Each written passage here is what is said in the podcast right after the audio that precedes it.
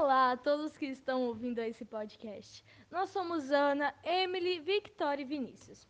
E estamos aqui para falarmos sobre a mitologia africana. Mais precisamente sobre o mito de Anansi, aranha humanista. Mas, caso você não saiba o que é mitologia, te damos essa breve explicação. Mitologia é o estudo de mitos, lendas e a interpretação dos mesmos em alguma cultura. Mitos são histórias populares ou religiosas complexas, com vários pontos de vista das pessoas que viviam na época em que os mitos foram criados.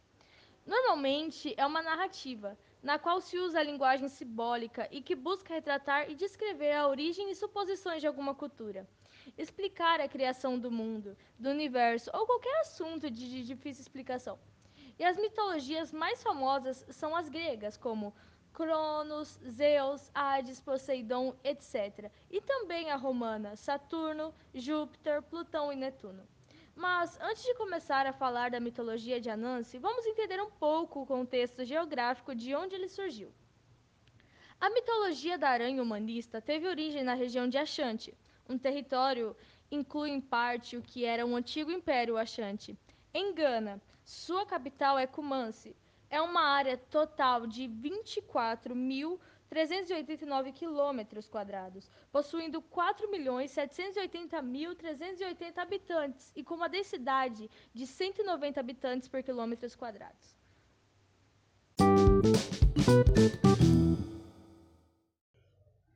Então vamos lá. Depois de vermos a definição de mitologia e as informações geográficas sobre a região de Achante, onde o mito se popularizou, vamos discutir agora quem é Anansi, ou aranha humanista. Anansi era uma espécie intermediária entre os homens e a deusa dos céus, Niame. A deusa estava coada por estar longe de suas criaturas, e Anansi fazia o trabalho de descer suas teias do céu para a terra e levar os recados da deusa. Cada vez que descia, escutava as reclamações do povo e levava para a grande deusa. A primeira reclamação foi que os homens não paravam de trabalhar. Então, Anansi providenciou a noite, para que eles pudessem dormir. Mas como as noites eram muito escuras, os homens tinham medo. Então, Anansi pediu a deusa que colocasse a lua para iluminar as longas noites escuras. Ainda assim, as reclamações continuaram. Em seguida, reclamaram que os dias eram frios. Logo, a deusa criou o sol. Porém, obviamente que um novo problema iria surgir. Os dias estavam ficando muito quentes, e Anansi subiu mais uma vez para o céu e comentou o problema para Niame, que logo mandou a chuva. E aí surgiu um novo problema. A chuva inundou todos os campos, e de novo Anansi subiu aos céus e pediu para que a deusa resolvesse os problemas.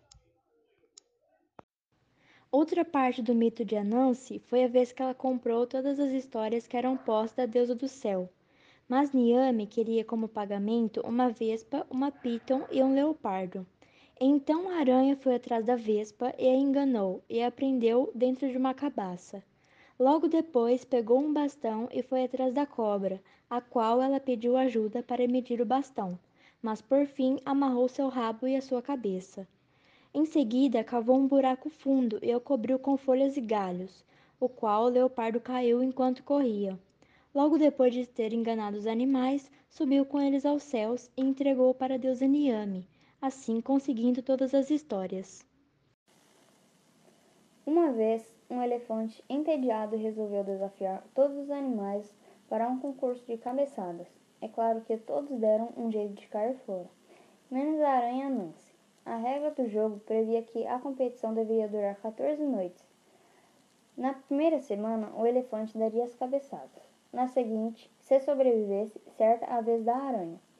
Na primeira noite, Anans convidou um antílope à sua casa e ofereceu comida a ele. O elefante apareceu, mandou a cabeçada e despachou o antílope para o outro mundo. A aranha fez a mesma coisa com os outros animais até chegar a sua hora no jogo. Então, pegou um martelo e uma cunha, mirou bem no meio da cabeça do elefante e o matou com um só golpe.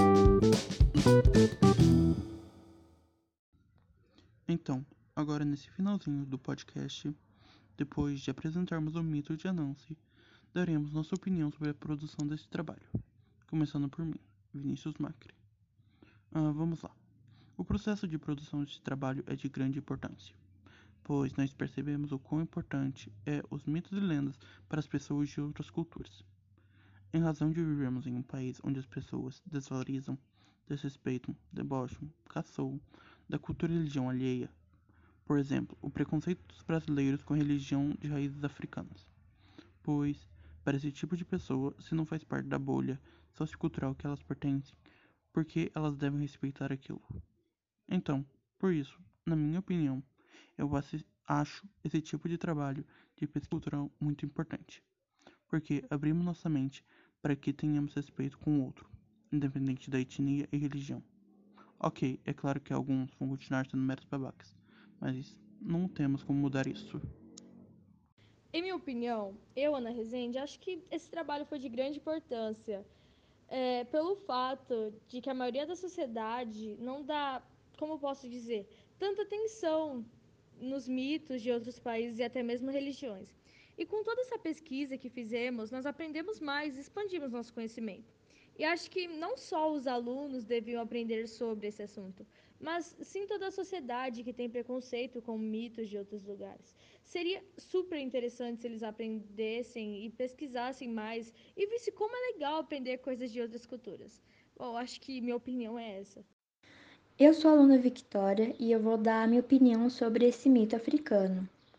Bom, na minha opinião, esse e qualquer mito, tanto africano como de qualquer outro lugar do mundo, é muito importante para o nosso aprendizado, tanto escolar como cultural, pois adquirimos mais conhecimento e vemos que nem tudo é explicado de uma forma exata ou de uma forma científica podendo também ser explicada através de um mito ou de uma lenda. E isso é muito interessante para o nosso cotidiano, para a nossa cultura também, pois vemos que, às vezes, em um único continente, alguma coisa que não tem uma solução lógica, ela é explicada de maneira diferente. Em um mesmo continente, em cada lugar da África, é, alguma coisa que não tem uma solução, uma explicação lógica, ela é explicada através de uma lenda ou de várias lendas, vários mitos. E isso é muito importante para o nosso conhecimento.